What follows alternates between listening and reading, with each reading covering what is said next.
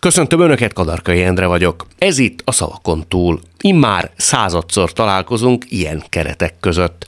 Két évvel ezelőtt pontosan ilyen tájt készítettem az első interjút Pogán Judittal. Akkor néhány nap alatt olyan számú a folytatást követelő üzenet, levél, komment jutott el hozzánk, hogy noha nagyon nem vagyok az úgynevezett második részek híve, feltettük a kezünket és újra meghívtam a művésznőt. Most, amikor közeledett a századik epizód, a közösségi médiában megkérdeztem a követőket, kivel szeretnének egy jubileumi beszélgetést. Nos, ők is megerősítették korábbi elgondolásunkat, hogy újfent nagyon örülnének neki. Következzék tehát a nemzet színészének december végén megválasztott Pogány Judit. Hát ismét egy rendhagyó adás.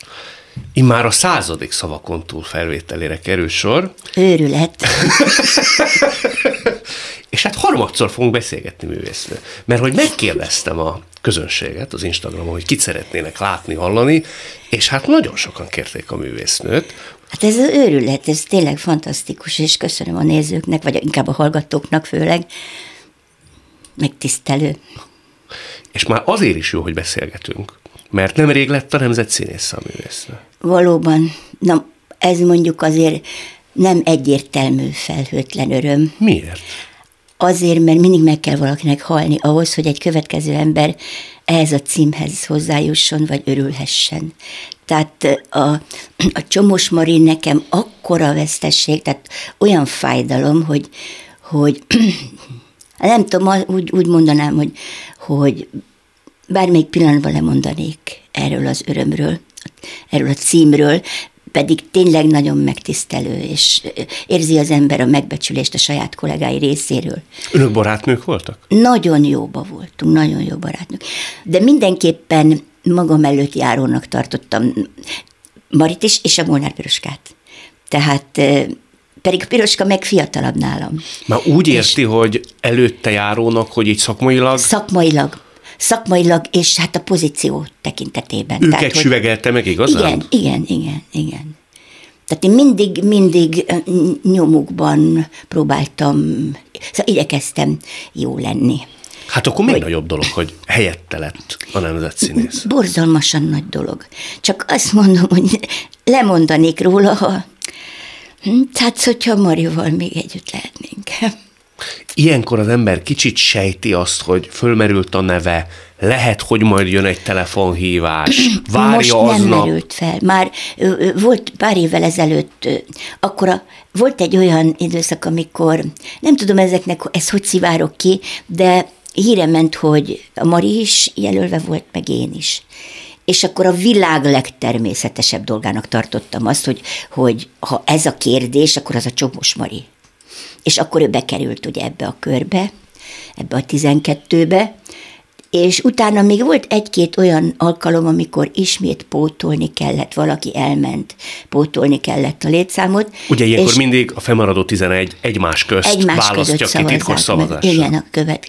Hát az, hogy titkos, azt én nem tudom, mert még nem voltam ugye soha. Jó, hogy egymás közt lehet, hogy nyilvános, persze. Egymás közt meg kell talán, hogy beszéljék. Igen. Mert, mert azt hiszem, hogy majd, hogy nem egyhangú szavazásra van aztán szükség, hogy mindenki bele kell, hogy egyezzen valami ilyesmi. De ezeket csak így, így, így ilyen plegyka szinten tudom, mert hogy sose voltam még ott, és ők meg azért tartják ezt a titkot maguk közt. Hogy jön egy ilyen értesítés? A Nemzeti Színház igazgató, igazgató ugye hívja föl. Igen.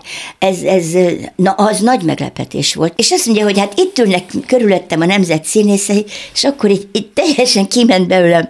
Hát és akkor az ember ezt alig hiszi el. Tehát, hogy akkor mondom, eltelt, azóta, hogy először jelöltek, attól kezdve eltelt már jó pár év, és én már nem gondoltam rá. Tehát azt gondoltam, hogy nem, nem az a belső hangulat, hogy abba én beleférek.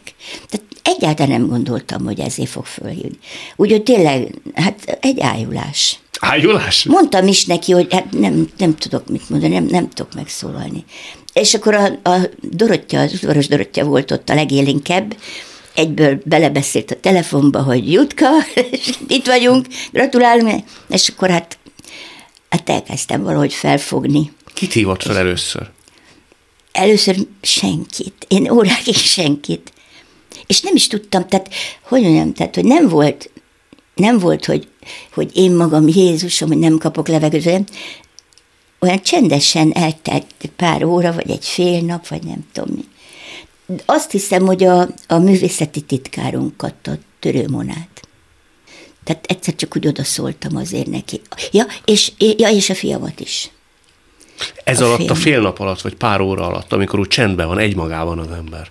A akkor... teszek, veszek, én otthon nagyon sokat teszek, veszek. De akkor mit gondol végig az ja. ember egy ilyen hír után? Hát, hogy hogy létezik ez? Tehát, hogy hogy, hogy lehet, hogy elkezdek gondolni személy szerint arra a belső körre, a 11 emberre, hogy, hogy vajon miért fogadtak el.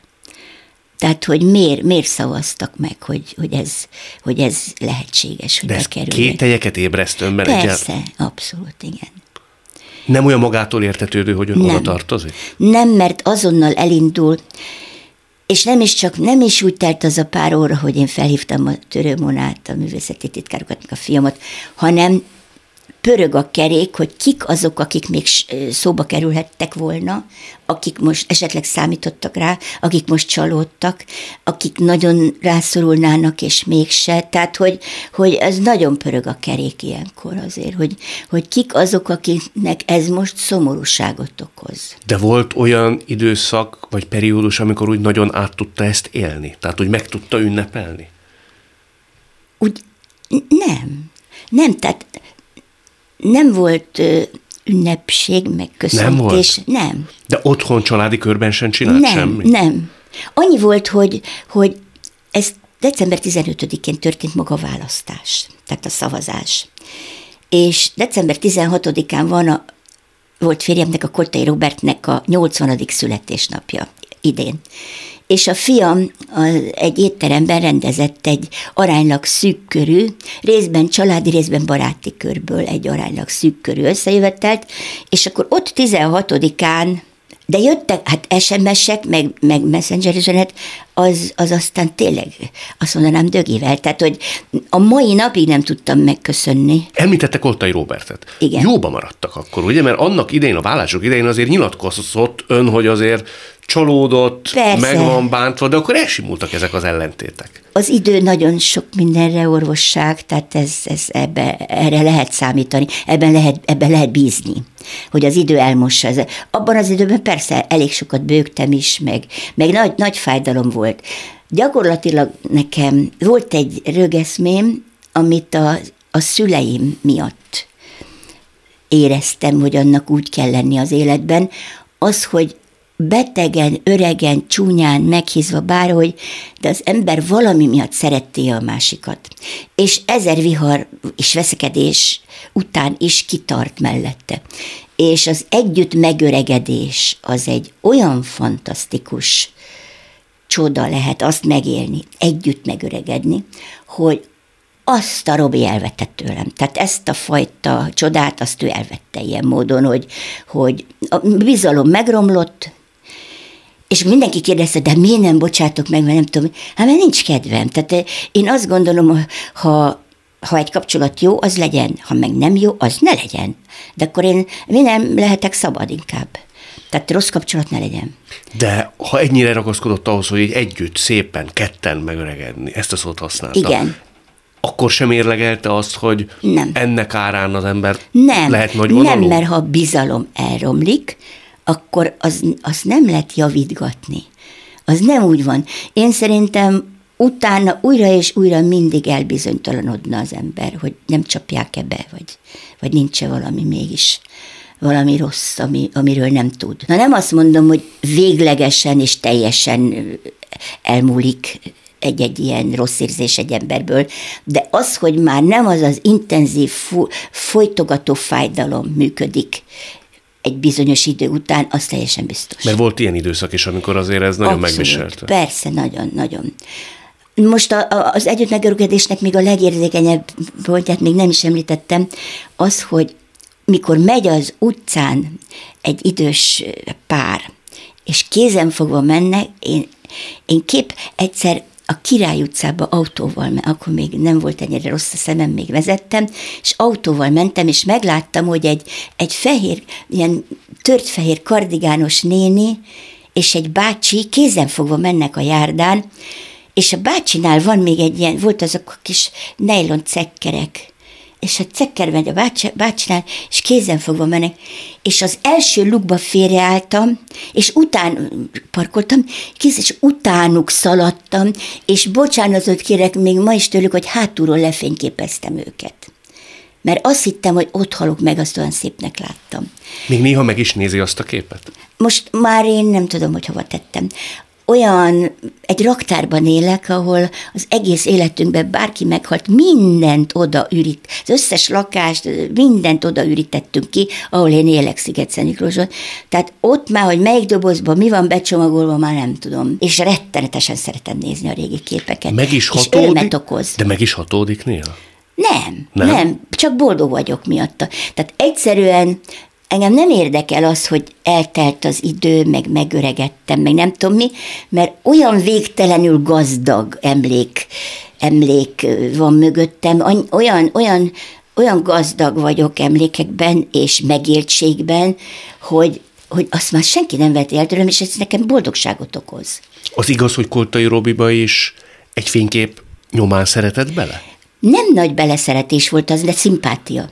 Igen, az nem tudom, ha elég sok helyen elmeséltem, ha ismétlésekbe bocsátkozom, bocsánat, de a Besegyei Ferencnek volt egy, két ikerlánya, a Besenyei Zsófi és a Besenyei Kata. És ezek közül a Kata orvos lett, és a Zsófi pedig színész szeretett volna lenni, és akkor egyszer csak mutatott nekem egy fényképet, hogy na, jövőre jön a Koltai Robi, ide szerződik a főiskola Koltai Robi, majd azt tetszeni fog neked. Addigra mi már két-három évet lányként együtt töltöttünk. Most a lányként úgy mondom, hogy a Zsófi mutatós nő volt, én meg egy kis vékony piszkat volt. Tehát semmi, semmi de viszont nagyon válogatós voltam borzalmas. Tehát ha véletlen valakinek én tetszettem volna egy picit is, azt tudja, nekem nem tetszett, és aki nekem tetszett, az rám se nézett. Tehát én, én, én mindig én voltam a harmadik. Zsófinak rengeteg udvarlója volt, és én voltam a barátnő aki akár egy üzenetet visz, akár, akár csak falaz, vagy nem tudom micsoda, de mindig Dult, én voltam közben? a harm. Nem, nem, semmi bajom ezzel nem volt. Nem, én, én láttam magam kívülről, hát én, én se választottam volna magamat. Tehát, hogy, nem mondjon ilyet. De komolyan, de teljesen így van. Nem, hát amikor a színházhoz kerültem, elmúltam 21 éves, és akkor engem 12-14 éves gyereknek néztek. Tehát nálam nem volt, nem volt aktuális, hogy engem nőnek nézzenek. Nem túlságosan önkritikus nem, magával? Nem, nem, én nagyon tárgyilagos. Ha visszanézi a korábbi képeket, csak látja, hogy egy csinos nő volt. Egy-egy szerencsés pillanatban el lehetett kapni azt is, hogy helyes vagyok. De úgy, úgy, úgy általában én nem voltam feltétlenül helyes. Tehát nem, aztán később, amikor már talán rafináltabb voltam, mint nő, vagy mit tudom én, és úgy azt hiszem adta magikat. Tehát, hogy... Tehát akkor már előfordult. Voltak, mikor úgy kepeckedtek utánam. Azt az Voltak élvezte. ilyen időszakok, de, de nagyon élveztem. Igen, konkrétan is volt olyan, amikor, amikor tudtam, hogy valaki azért ül a színházban, a, a portálban, mert éppen jelenetem van, és néz.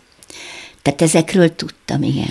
De, de megnézte Koltai Robert képét, és akkor dobbant Na, egy és akkor azt szívet. láttam, hogy, hogy igen, mert, mert én nem vagyok olyan típus, mint általában egy színésznőtől elvárják, mint amilyen egy színésznőnek lennie kéne.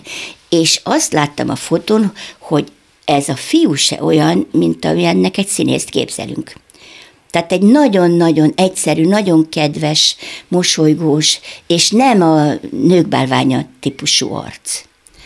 Tehát ő, ő sem volt, hát nem volt egy Gregory Peck, vagy mit tudom én, tehát, hanem egy, annál egy kicsivel kerekebb arcú.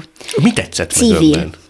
Önnek? A, az a fajta hihetetlen, őszinte és tiszta ember szeretett, ami, ami a Robiból egész életében mindig is sugárzott, és ahogy a mai napig tud gondolkodni emberekről. Nagyon-nagyon ritkán lehet a Robitól rosszat hallani valakiről. Tehát ő, ő szeret szeretni, szereti az embereket szeretni, és az valahogy a, a fiatalkori képén is látszott. Az a fajta egyszerűség és őszintesség. Ez nagy szerelem volt az elején? Tehát olyan nagy elsöprő? Azt sem mondanám. nem, nem. Hát sőt, a, hát a, én, én nagyon visszafogottan tudtam. Tehát nem, nem feltétlen mutattam ki a szimpátiát, mert, mert azt hiszem, hogy rettenetesen tudtam félni a visszautasítástól, és ettől én nem mutattam meg, ha Tehát szeméremből egy picit. Igen, meg szorongásból. Tehát, hogy nehogy, nehogy visszautasítsanak, nehogy kudarcot valljak. Ezért én nem mutattam meg általában a szimpátiámat senki felé, csak úgy belül, le, visszanyomva, eltitkolva. És akkor a Robi ottan bizony komoly formában elkezdett udvarolni bizonyos táncos lányoknak, és jártak is ottan, és azt én végig is kellett nézzem, hogy mással jár. Hú, hát az szívrepesztő lehetett, hogy közben megtetszett. De közben meg annyira tárgyalagos voltam, hogy tudtam, hogy a másik lány csinosabb. És ez, ez nem valahogy elfogadtam ezt a dolgot, hogy a másik lány csinosabb. Hogy sikerült mégis felülkerekedni a táncos lányokon? Hát a Rob is kiszúrta azt, hogy én más vagyok, mint általában a fiatal lányok, tehát egy más típus, és azért elkezdett ez neki szimpatikusnak lenni. Meg, meg néha a tehetség is az, ami, ami megszépíti a másik embert. Aztán egyszer volt egy költözködés, a Csikos Gabi és micsoda csodás színész volt, de ő már nem él, ő már elment, de ő költözködött egyszer, és akkor hát a kollégáknak kell segíteni, kocsi, kocsi, amíg akkor senkinek nem volt. És emlékszem, hogy ilyen szatyrokba, meg cekkerekbe két megpakolt szatyorral cipekedtük a könyveket. És pont a Koltai Robi meg én egyszer így ketten segítettünk, és cipeltük a könyveket egyik lakásból a másikba, és ott, ott történt aztán egy ilyen komolyabb együttmaradás. Tehát, hogy, hogy addigra már sokat voltunk együtt. Igen, akkor már egy éve lassan, hogy egy társaságba járogattunk. Ez itt továbbra is a szavakon túl, Pogány Judittal. Még egy férfiről hagy beszéljünk, ő pedig Őrsi István. Mert a, a legutóbbi, be, legutóbbi beszélgetésünket ott hagytuk abba, hogyha egyszerűen beszélgetünk, akkor egy kicsit Őrsi Istvánt megemlítjük, ebben maradtunk. Igen. És azt írta az őrsiről írott emlékező könyvben, hogy biztos lesz még rendező, dramaturg, barát, de olyan, mint őrsi, biztosan nem. Olyan soha többet. Miért? Milyen volt ő? Fény lett a szellemisége egyszerűen, sütött, sugárzott. Tehát a, a barátságnak, az igazságérzetnek, az ember szeretetnek valami olyan eszenciája volt az őrsi, mint személyiség, és azok a munkák, amiket együtt csináltunk Kaposváron, azok egy életre behatárolják az embernek a, az értékrendjét. Ő könnyű ember volt? Nem annak hírében állt. Azért tudott tüskés lenni, ugye? Tudott tüskés lenni, de csak olyankor, ha, ha igazságtalanságot érzett, és vissza akart bántani, vagy... De egyébként nem tudott tüskés lenni. Egyébként, hát egyébként én nem tudom, hogy a melegebb szívű, nagy, nagyobb szívű embert ismertem-e már. Sokat kockáztatott érte, mert hogy a szamizdadokat is egyfelől terjesztette, Igen. másfelől meg a műveit áthozta a határon, ami hát akkor azért fővesztés az, az kemény volt, az nagyon kemény volt, mert ugye a 80-as évek első fele, akkor, amik, aki be volt tiltva, már pedig Őrsi Pista Magyarországon akkor már be volt tiltva, el kellett őt ugye bocsátani a társulattól. Kaposvárról. Kaposvárról. Azt mondták akkor... Babarcinak, az igazgatónak, hogy vagy ő, vagy a társulat. Válasszon, döntsön, Igen. vagy Őrsi Pista, vagy a társulat. Tehát akkor a Kaposvári Színház a, a bezárás határán. Ő a dramaturgia volt ennek a színháznak. És dramaturgként dolgozott. Az volt az egyetlen olyan döntése, amikor azt mondta, hogy nem hívja össze a művészeti tanácsot, mert nem akarja megosztani ezt a terhet a, a színészekkel, egyedül döntött úgy, hogy a társulatot választja, és Őrsi Pistát egy négy szemközti beszélgetésen megkérte, hogy mondjon fel. Hmm. Tehát nem, nem kirúgni akarta, vagy elbocsátani, vagy hogyan nevezzük ezt, a felülről jött tanács szerint, hanem hogy az őrsi Pista mondjon fel. És akkor az őrsi, akkor költözött ki Berlinbe. Gyakorlatilag nem tudtuk, hogy visszaköltözik-e valaha Magyarország, de hát aztán ahogy egy kicsit csitult körülött a dolog, már akkor nem is csitult, folyton Kaposváron volt. Egy ideig aztán az volt, hogy amikor mi valahol nyugaton jártunk, akkor ugye meg volt nyugat, meg kellett. Tehát valahol kint jártunk egy-egy előadásunkkal, tudta ezeket a vendégeket, és mindig oda jött. És akkor ott, ott tudtunk vele találkozni. És ugyanígy történt ez, Nancy-ba voltunk fesztiválon, a Mara Halálat című előadásunkkal, és ő természetesen ott megjelent, ott volt. Sőt, amikor megtudta, hogy a Koltai Robert meg én még nem voltunk Párizsban, és ő kocsival jött Nancyba, akkor azt mondja, na, akkor pakoljunk. Tehát mi nem a repülőre szálltunk akkor fel, hanem az őrsipista kocsiába, és elvitt minket Párizsba, három napig ott vele bolyongtunk és éltünk. És akkor egy, már a búcsú délután tartottuk, összeültünk egy ahol ott is voltak olyan kis presszók, ahol a járdára így ki voltak pakolva, hogy ezek. És ott kint ültünk az utcán egy ilyen járdai teraszrészen, és ott mondta, hogy most már elkészült a Lukács darabbal, és most már csak kell keresnie majd egy embert, aki haza tudja juttatni az anyagot. Hát ez a betiltás csúcspontján volt akkor, és akkor mondtam neki, hogy miért kell annyira keresni, mikor itt vagyunk. Azért nem, nem barát, hogy barát nem lett. A barátnál nem csak az van, hogy a barátot félti, ez nem, nem ennyi volt, hanem a barát nagyobb veszélybe van, mert jobban, jobban figyelik, hát ki van persze, téve a figyelemnek. Hát jobban eszükbe juthat Tantja, hogy... Mi történt volna, ha akkor önt elkapják a határon? Akkor annyi a pályának. Igen? Az, az teljesen biztos. Akkor ez annyira éles volt abban az időben ez a helyzet, hogy akkor, akkor biztos, hogy megtalálják a módját, hogy hogyan távolítsák el az embert ugye a pályáról. Nem is mérlegelte mindezt? Nem. Nem. Ellentmondva őrsinek, elvette tőle ezt a darabot? Abszolút. Tehát mondtam neki, hogy, hogy miért kell kerülni, mikor itt vagyunk. Nem, barát, nem, nem. Mondom, hát velem nem fogsz vitatkozni, mert én velem még olyan nem volt, hogy ne én győzzek. Tényleg? Abszolút. Tehát amikor a, az igazamat érzem, akkor az nem létezik, hogy engem bárki befolyásoljon. Akkor a végsőkig tudok, a, ha az igazamat valóban érzem. Úgy nem kell, is ismernénk önre? Hogy? Nem ismer, nem. Nem. nem. Hú, én rólam mindenki azt hiszi, hogy ez ilyen kedves kerek, hogy én olyan kedves. Mondom, dehogy vagyok kedves, kőkemény ember vagyok, és ha kell gonosz. Tehát, hogy én... Tud gonosz lenni. Abszolút, abszolút. De kivel szemben?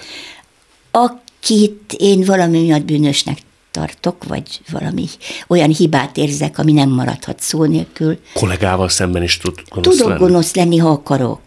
De mit kell elkövetni egy kollégának, hogy gonosz legyen?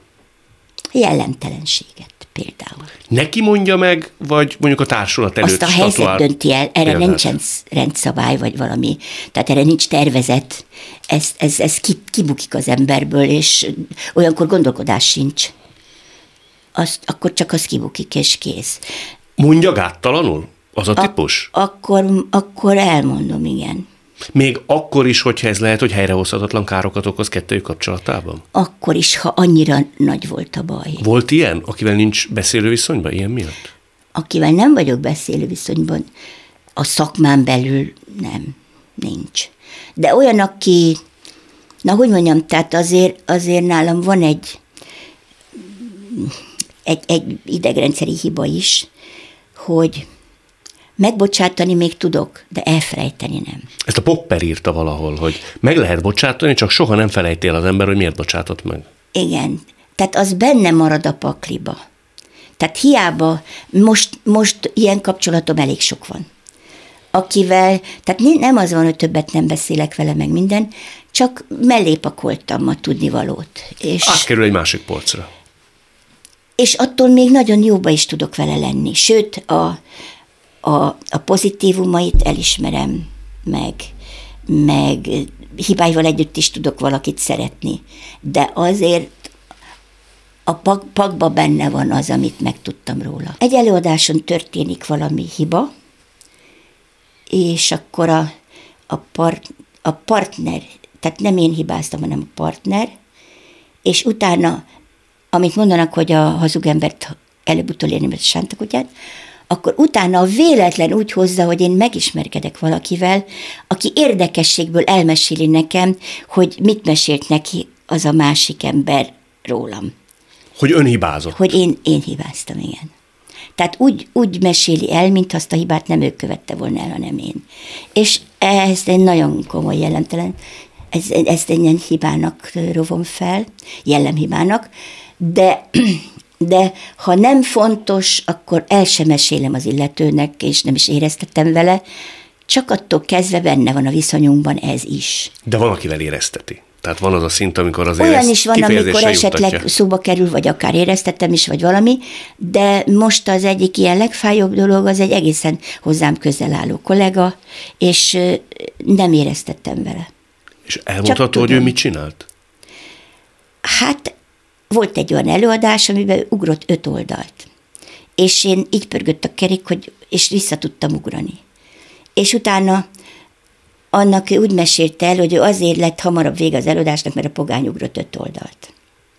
És akkor ez egy, én nem is értettem, hogy mit mesél nekem ez az illető, mert ez annyira hihetetlen volt, de aztán... Nem akarom védeni őt, azt se tudom, kiről van szó. De ilyenkor ez nem inkább félelemből fakad. Egész egyszerűen ő nincs abban a pozícióban, hogy, hogy bevállaljon egy ilyen hibát, és gyávaságból, megalkuvásból. De, de ez, ez nem szép de dolog. miért kell védeni? Nem kell ilyet csinálni. Nem kell ilyet csinálni. Nem kell ilyet csinálni. Nem kell ilyet csinálni. Ön, ha hibázik, akkor abba... Elnézést kérek. Azt elhiszem, meg tudja is magát ostorozni, ugye? Azt is. Sőt, én két napig tudok, nem mindig látszik rajtam, de én két napig vagyok belebetegedve. De szövegtévesztés? Igen, például. Például, hát ami az egyik legnagyobb fájdalom, a, a nekünk az Örkény Színházban van a, a anyám tyúkja egy, és az anyám tyúkja kettő. Egy-egy es, teljes es, tehát két felvonásos teljes előadás volt mind a kettő, amiben verseket mond az egész tár... Nem az egész társulat, mert aki később szerződött oda, az például már nem került bele, vagy valami. És akkor a, egy Pilinszki verset, az apokrifet mondtam a anyám a kettőben. Szembe kaptam egy erős reflektort, és mondtam, hogy apokrif. És és teljes róló. Tehát volt, amikor mire ide fordultam, odafordultam, előre fordultam, éreztem, hogy ne, ne csúsztak le a székről, és csak a nagy, egy, egy nagy semmit láttam egy més, tehát eddigre megvakultam teljesen, és lerolóztam a versben. És az egész társulat addigra, ez a, az, ennek az esnek az utolsó verse volt, egy záró pillanat, és ez teljes társulat ott ült. És éreztem, hogy ezt a szényed nekik is végig kell élni, hogy én belesülök a versbe. Hát ott azt hittem, ott, ott, és akkor két napig, hú, hát... De két... hogy oldotta meg mindezt? De Igoblattól? Volt, amikor vártam kicsit, és mégis eszembe jutott. Volt, amikor nem a vers elején történt, hanem közben, és cseréltem versszakot, de valaki, ott ültek magyar tanárok, volt, aki tudta a verset, ez ciki, halál szégyen. Két napig ilyenkor nem alszik? Nem, de van, hogy még alszom is közben, de rettenetesen fáj. Mhm. rettenetesen fáj. De és akkor tud... olyan is van, mikor átalakítom, mert a szó nem jut eszembe, és mást mondok helyette. Hát az se egy öröm. Nem öröm, de hogy nem tud az ember x évente megbocsátani magának egy-egy hiba miatt? Nem. Nem, a mai napig, 1978-ban játszottam a Ödön von Horváth Mesél a Bécsi Erdő című csodálatos darabjában Mariant, Asser Tamás rendezésében Kaposváron. És amikor a premiéren az a fajta, nem működött az a fajta empátia készség, ami miatt én egyáltalán szeretek színész lenni. És most 1900, van most 2024. 2024, és a mai napig megfojta a rossz érzés, hogy én akkor nem játszottam jól. Nem tudom megbocsátani. Ez rosszabb vagy jobb az idő előre alatt áll, hogy még szigorúbbá válik az ember? A felelősség az nő. Ma van olyan előadásom, ami elején nem izgulok és nem remegek, hanem rángatózok, annyira izgulok. De ez mi múlik? Azon az óriási felelősségen, hogy alkalmas vagyok-e részben szellemileg is, de főleg fizikailag. Én jobban romlok fizikailag, mint szellemileg. Szellemileg még nem érzem a nagy hibát, de, de fizikailag nagyon sok hiba van már, és hogy alkalmas vagyok-e végcsinálni, erővel, szuggesztívan, jó ritmusba, tökéletesen azt az előadást, ami aznap van. És van, vannak igen nagy felelősségű előadás. Mondjuk a Szabó Magda az ajtó, ebben az Emerenc, ez részben hogy mondjam, tehát olyan, mintha a pályám összefoglalását szeretném átnyújtani. Tehát a, a farcú, érzelmetlen pillanatoktól kezdve egészen a haláláig menően iszonyatos, csodálatos skálát lehet végigjátszani. És és nincsenek hozzá túl, nincs hozzá túl sok eszköz, hiszen ülök egy helybe, aztán később egy tolókocsiba, de, de eszköztelenül kell megélnem azt, amit végig kell élni. És ha azt érzem, hogy, hogy nem vagyok, nem, nem vagyok koncentrált, koncentrált állapotban, akkor, akkor nagyon tudok tőle félni. És ez, és a félelem most már mindig van. De ön szerint eljön majd az a pillanat, amikor egyszer azt mondja, hogy én már ezt nem kérem annyira? Már mit, hogy A ne, színházat, ne az előadást, az előlevést. Igaziból már több ízben eljött, és már többször szerettem volna úgy dönteni, hogy mi lenne, ha már nem nem, nem csapnám be magamat, vagy a közönséget, nem tudom, de ugyanakkor meg az van, hogy amikor vége egy előadásnak, és azt látom, hogy boldog a közönség, és ordít. Tehát mikor úgy kilépek tapsra, és akkor fölsikoltanak, meg fölordít. Hát az a mámor. Igen, és azt érzem, hogy addig meg miért ne adnám ezt, ha még, még ennyit még tudok adni, akkor azt még adni kell. De mivel telnének a napjai színház nélkül? Hát én nagyon szeretek otthon lenni, nyolc cicám van, nyolc befogadott cica, ezt nem mindig szabadna elmondanom, mert a szomszédok biztos nagyon dühösek rám. Tehát nem szabadna bevallanom eredetileg, de talán már meg is szokták, hogy bolond öreg asszony, nyolc szája van, nem tudom. De, de, most de, mi, de én most a sülöket mi... is etetem, azok most alszanak most a madarakat, de nem is tudom már, ez már sok nekem fizikailag például egy házat rendbe tartani, ne, úgyhogy van segítségem, és egy csodálatos baráti család van ott nekem, akik, akik ha az anya nem ér rá, akkor a lánya jön segíteni, vagy valami. Tehát van ehhez nekem segítségem, de, de ezzel én el vagyok, de gyakorlatilag egész nap totyognék otthon, megtennék. Nem lenni. hiányozna a színház? Meg Lehet, az az hogy ez, de, de gyakorlatilag az anyag, ami annyira szép, és amit én szeretnék még végigmondani, az azért biztos hiányozna. De az a baj, hogy az előbb egy picit félbe elkezdtünk elkanyarodni, és félbe, félbehagytuk az őrsipist. Én abszolút, én vissza akartam varni, Jó. hogy ott vagyunk, Franciaországban. Ott a járdán. Ott, ott visszatértünk a járdára, és elveszi tőle Igen, de a nem, lukácsot. csak megné, hát rafináltan kell, nem adja ide, de megnézni. Elveszem, és nem adom vissza. Erőnek erejével magánál tartja. Mm, eltettem, igen.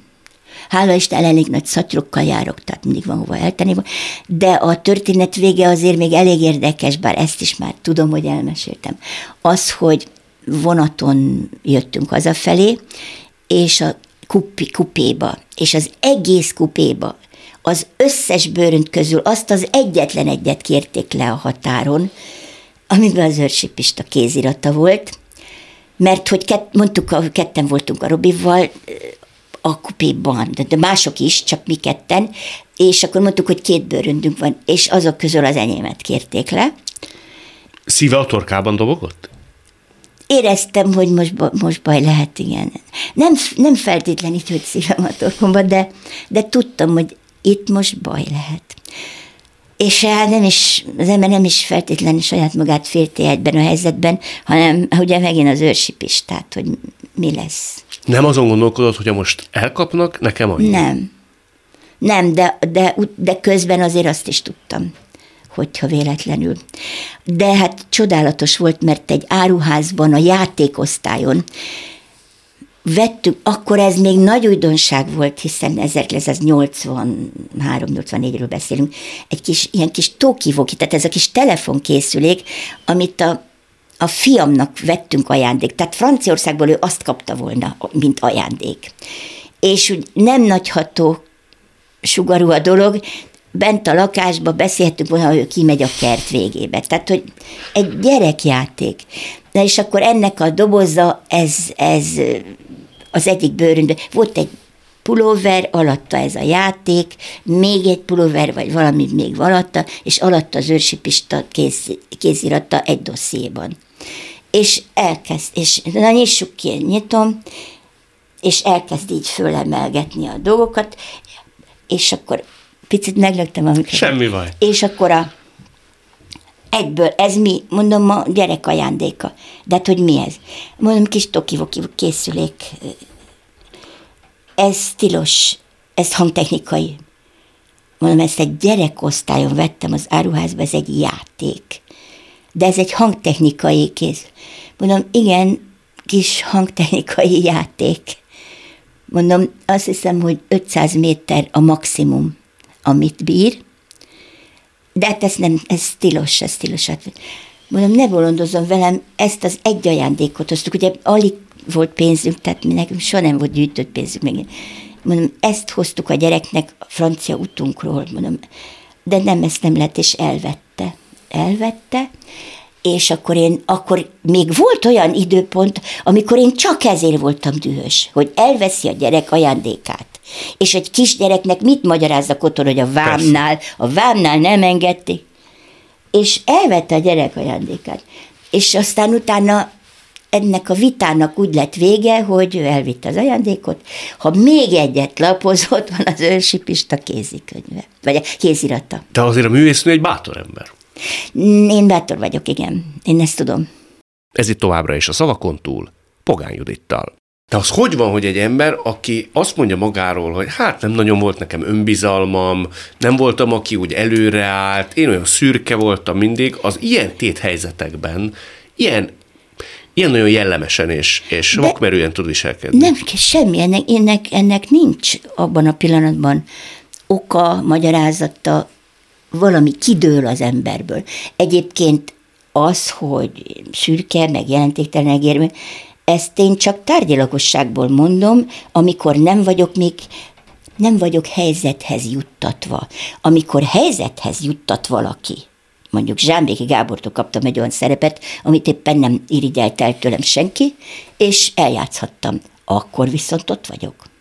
Tehát akkor nincs, akkor nincs kisebbségérzet, azt megcsinálom. Akkor, amikor másodszor eljött Kaposvárról, akkor is egy ilyen hirtelen vita hevében döntött, ugye? Babarcival igen, összeveszett. Nagyon, nagyon fájt, igen. Elmentem, kértem egy üres papírt, és írtam három sort, hogy tudom, hogy aláírt szerződésem van a következő évadra, ennek ellenére most kérem a szerződés felbontását, és e, nincs szándékomban jövőre már itt dolgozni. De ezt ott döntött el? Ott, igen.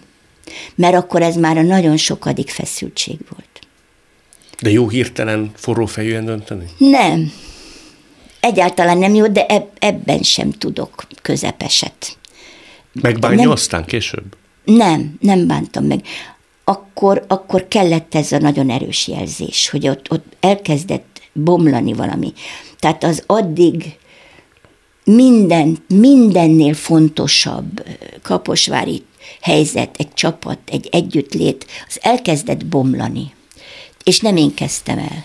De ezt uh, félig sírvatta be, ezt a háromsoros nem, papírt? teljesen szárazon. Szárazon? Igen. De utána, amikor hazament, azért megkönnyezte. Nem? Nem. Nem, mert amikor kemény helyzet van, akkor nem sírok. Akkor mikor tud sírni? Amikor a csomós mai meghalt, akkor nagyon sírtam. Az érthető. Ő a, a színészetnek a színészet fontos részének az eszenciája volt. Ezt tudja velünk érzékeltetni, akik nem állunk színpadon, hogy ez mit jelent?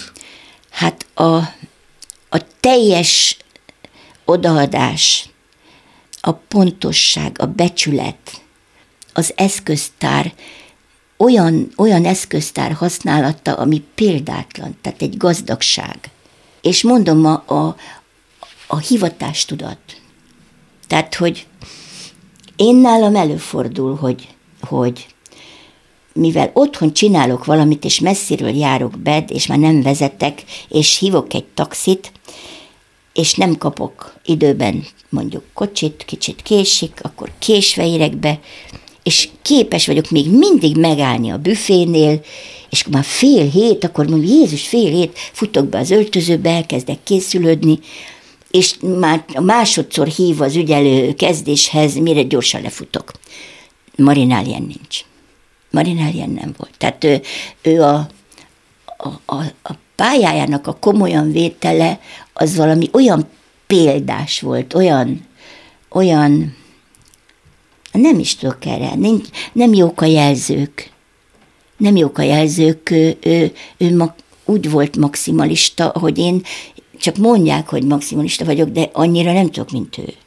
Ez mi múlik? Hogy valaki ennyit tesz bele, még a másik megelégszik 85 kal Azon múlik, hogy ő Hát egészen nyilván, ahogy, ahogy ő fiatalon elhatározta, hogy színész lesz, ő attól kezdve, neki nem volt más dolog. Volt ugyan egy férje, akivel óriási szerelem volt a Detre Gábor, de, de olyan, Demeter Gábor, rosszat mondtam, bocsánat.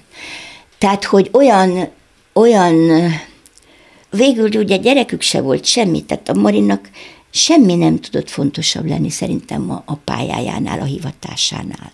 Nem tudom, hogy van, de csak egy felvetés. Nem olyan embereknél figyelhető meg, ez minden szakmára igaz, ez a fajta lankadatlan fanatizmus, hogy ez az ügybuzgalom, ez egy picit mindig az élet helyett van? Nem. Nem? A Marinak olyan időszaka is volt, amikor nagyon is élt. Tehát amikor, amikor, amikor még bűnöket is követett el így a, a pályája, bár a hivatása során, mert túlságosan is élt. Volt ilyen időszak is az életében. Lehet együtt, de ugye? az csak egy, egy, de azt én leszámolom, az egy időszak volt, az nem, az nem számít. De van ez a mondat, hogy élet vagy alkotás. A kettő meg fér együtt. Ha valakinek a hivatása az élete, akkor az együtt van. Gyakorlatilag én is csak, gyakorlatilag ezt űzöm, vagy ezt vállalnám, csak közben nekem még bejött az öreg macska, akkor indulásra, nem, le, nem metek úgy el, hogy az öreg macska nem kapott tenni. Tehát akkor az még el is, akkor elkések. Tehát, hogy, hogy én beengedek, beengedek ügyeket az életembe, akkor is, amikor már gondot okozza a szakmámban. De nem megy azért ez a szakmai kvalitásai rovására. Néha megy, néha megy, mert akkor annyira rohannom kell, hogy akkor azért remegek, azért izgulok annyira. Azért ön is végtelenül kötelességtudó. Az vagyok, igen. Tehát például társulaton belül, ha megkínálják egy szereppel, olyan nem nagyon fordulhat elő, hogy ön azt visszaadja. Azt nem, eljátsza. nem visszaadni nem szoktam, de ami, amióta ennyire megöregedtem, azóta már megbeszélik előtte velem, hogy, hogy azt én vállalnám-e. És hát gyakorlatilag én nem emlékszem, hogy valamit ne vállaltam volna, de csak a saját színházamban. Amúgy azért tud nemet mondani. Rengetegszer, rengetegszer. És hát például különösen például olyan helyzetekben, amikor, amikor tényleg aki nem zenés vagy bulvárszínházban dolgozik, hanem úgynevezett művészszínházban, nem magas a fizetésünk, tehát mi nem, nem ugrálunk anyagilag, és nem mondom, hogy nem esett volna jó a pályás során egy-egy ilyen nagyobb bevétel, soron kívüli kisebb munkával, mint egy-egy reklám, vagy valami. De valami miatt az, az nekem nem jön be. Tehát, hogy... De miért nem? Lehet találni egészséges kompromisszumot és vállalható alkuárát. Nem jött be, nem jött be. Egyszer az igaz, hogy egy műfogsor Azt is, ragasztó igen, reklámra hívták igen. fel, ha már a reklámot Azért, mert, a, mert, mert volt egy olyan előadásunk a Finito, Tasnádinak az előírása, Finito című, tulajdonképpen az egy komédia volt, és Mácsai Pál rendezte, és abba az anyóst játszottam, és a darab szerint ragasztotta, tehát fogsora van, alul felül, és egy nagyon kinyúlt, nagy kötött pulóver, vagy horgott pulóver volt, és két, benyúltam az egyik zsebébe, és akkor itt letette az egyik fogsort, és akkor már a másik, akkor alsót, és akkor kettőt így koppintottam a fogammal, hogy meg vagyok, így köszön. Na és akkor ez, ezt már akkor játszottuk két-három évek körülbelül, és egyszer csak felhívnak, hogy, hogy reklám. Mondom, jaj, ne arra, ugye nem nagyon szoktam reklámba jelen lenni, tehát nem, nem szoktam vállalni. Hát pedig ez egy nagyon-nagyon jó, mert egy, egy tényleg minőségi, ilyen fogsorragasztó. Fogsorok mondom, és hogy jutottam eszembe? Hát, hogy látták a finitót, és mert nekik olyan ember kell, aki azt, ezt tudja, valóban bevállalva tudja hirdetni, mert használja. Tehát, hogy hiteles. Igen, igen, hiteles ez a jó szó. És akkor mondtam neki, hogy de hát mondom, az egy szerep, az, na de hát de, de hordok, szóval fogsor, fogsorral élek. Mondom, nem fogsorral élek. Hát mondom, túl jól sikerült a mozdulat, de nem, nem, mondom, nem. De az egy annyira vicces helyzet volt. Értse meg, hogy még soha nem vállaltam és akkor nem öregkoromban fogom elkezdeni. Soha nem kísértette meg? Mondjuk a pénz, vagy egy, egy picit könnyebb nem, élet lehetőség? Nem, nem. Azt gondoltam, hogy amíg meg vagyok valahogy így is, addig, addig erre nincs szükség. És, de nem, de semmi bajom azzal, hogy, hogy hozzám nagyon közel álló, csodálatos színészek bevállalják, megcsinálják. Az az, az ő döntés, ez meg az enyém. Manapság szükséglete szerintél? Hát, hogy mondjam, Ma azért nem, de nem anyagilag főleg, hanem azért, mert rossz a szemem, és nem vezethetek. Nekem az életem egyik legnagyobb szerelme a kocsi volt. Most hogy közlekedik a Én, Hát most taxival. Taxival? Hát azért az nem olcsó műfaj. Nem olcsó, rettenetesen drága. Én a gatyámat, így szoktuk mondani, ugye a gatyámat állatokra is taxira költöm. De mivel semmi másban már nincs, nincsenek igényeim, tehát hogy én 15 éve biztos, hogy nem vásároltam ruha, ruhát, vagy és amikor elszakad a ruha, akkor megfoltozzuk, azt hordom tovább, szakadtan. Vagy ha meg se foltoztuk, akkor is hordom tovább. De ez miért van össze? Nem érdekel. Nem érdekel? Nem. De volt olyan időszak, amikor úgy csajosabban? Persze. Persze, hát persze. ezt gondolom. Hát amikor a Vesenyei Zsófival ő sárga, én pedig tűzpiros miniruhába Kaposvár főutcáján. És amikor anyám jött szembe, és az a lányok, jaj, mondom, hogy anya, hol voltál, moziba volt. És akkor azt mondja, van pénzetek? Nem, nem nagyon.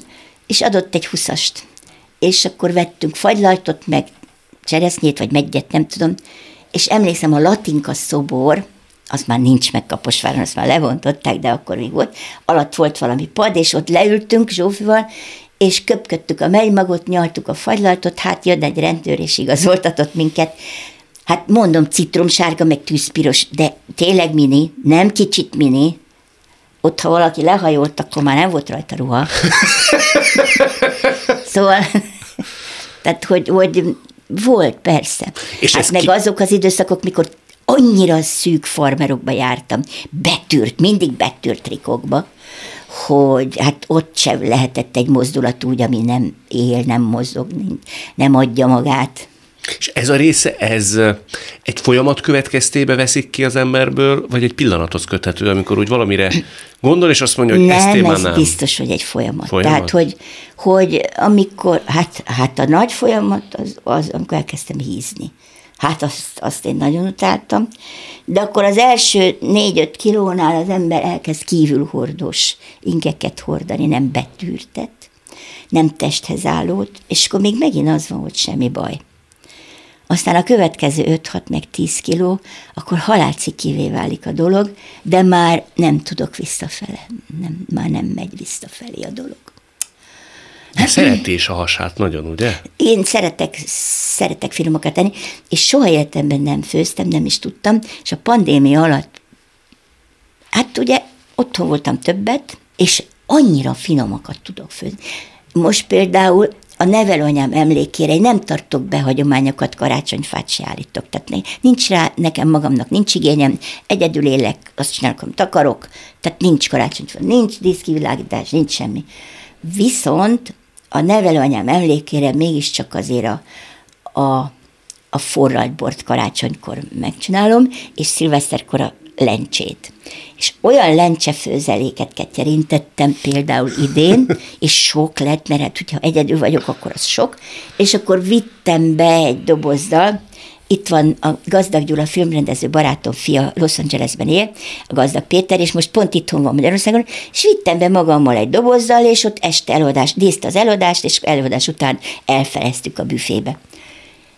És jött a egy csodálatos kollégám, csodálatos barátom, Vajda Laci fia. Vajda Laci már elment tőlünk, de a fia... Vajda Milán. A Vajda Milán, az kollégák vagyunk, együtt játszunk a Szabó Magda ajtójában is, csodálatos. Na mindegy, a Milánt imádom, nagyon-nagyon szeretem, és nagyszerű, csodálatos színésznek tartom, és mondja, hogy á, én is szeretem ám a lencsefőzőket.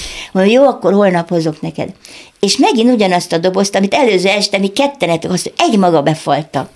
És már két nap múlva, amikor eszünk megint lencsét, tehát hogy ízlett a férfi embereknek is olyan lencsét tudok főzni, és nincs rántás, meg ilyenek. Hogy kell csinálni? Tehát mitől jó? Hát békonszalonnát földdarabolok apróra, e kevés olajon lepirítom, arra elég sok hagymát rakok, arra jön rá az egy éjjelren átázott, nagyon megmosott és ázó, áztat, beáztatott lencse, már akkor az áztatóvízzel együtt én nem vagyok hajlandó áztatóvizet kiönteni. És akkor azzal együtt jön a lencse, és akkor jönnek bele babérlevél, bors, csili bors, akkor amikor már elkezd készre főni, só, vagy pedig, ha van otthon olyan, hogy nincs tartósítószer benne, vegeta, ilyesmi, tehát ízesítés, tehát még jön bele egy-két ilyen, ki, ki mit szeret fűszer, és akkor utána, amikor már elkezd egy kicsit puhulni, akkor én szoktam még egy szál sárgarépát, egy szál fejrépát, és egy nagyon-nagyon kevés, egy egész kis darab zellert, ezeket aránylag kis kockákra vagy kis egységekre vágom, és akkor az is belemegy bolondításnak. Minden ok nélkül. bolondításnak belemegy, és pont a Milán volt az, aki ezt megjegyezte, hogy ez fantasztikus, hogy van benne sárgarépa. Mondom, hát az csak egy kis ízét, stihetani. Ja, meg a mustár például, én azzal A lencsefőzelék nem mustár? Igen, mustárral savanyítom. Mert én savanyítással szeretem a lencsefőzeléket. Úgy jó, igen. Azt mondja a művésznő, hogy amire vágyom. Most már van nemzetszínészet cím, egy szinte tökéletes életmű, legalábbis kívülről úgy tűnik. Mi az, amire vágyik? Vágyik még valamire?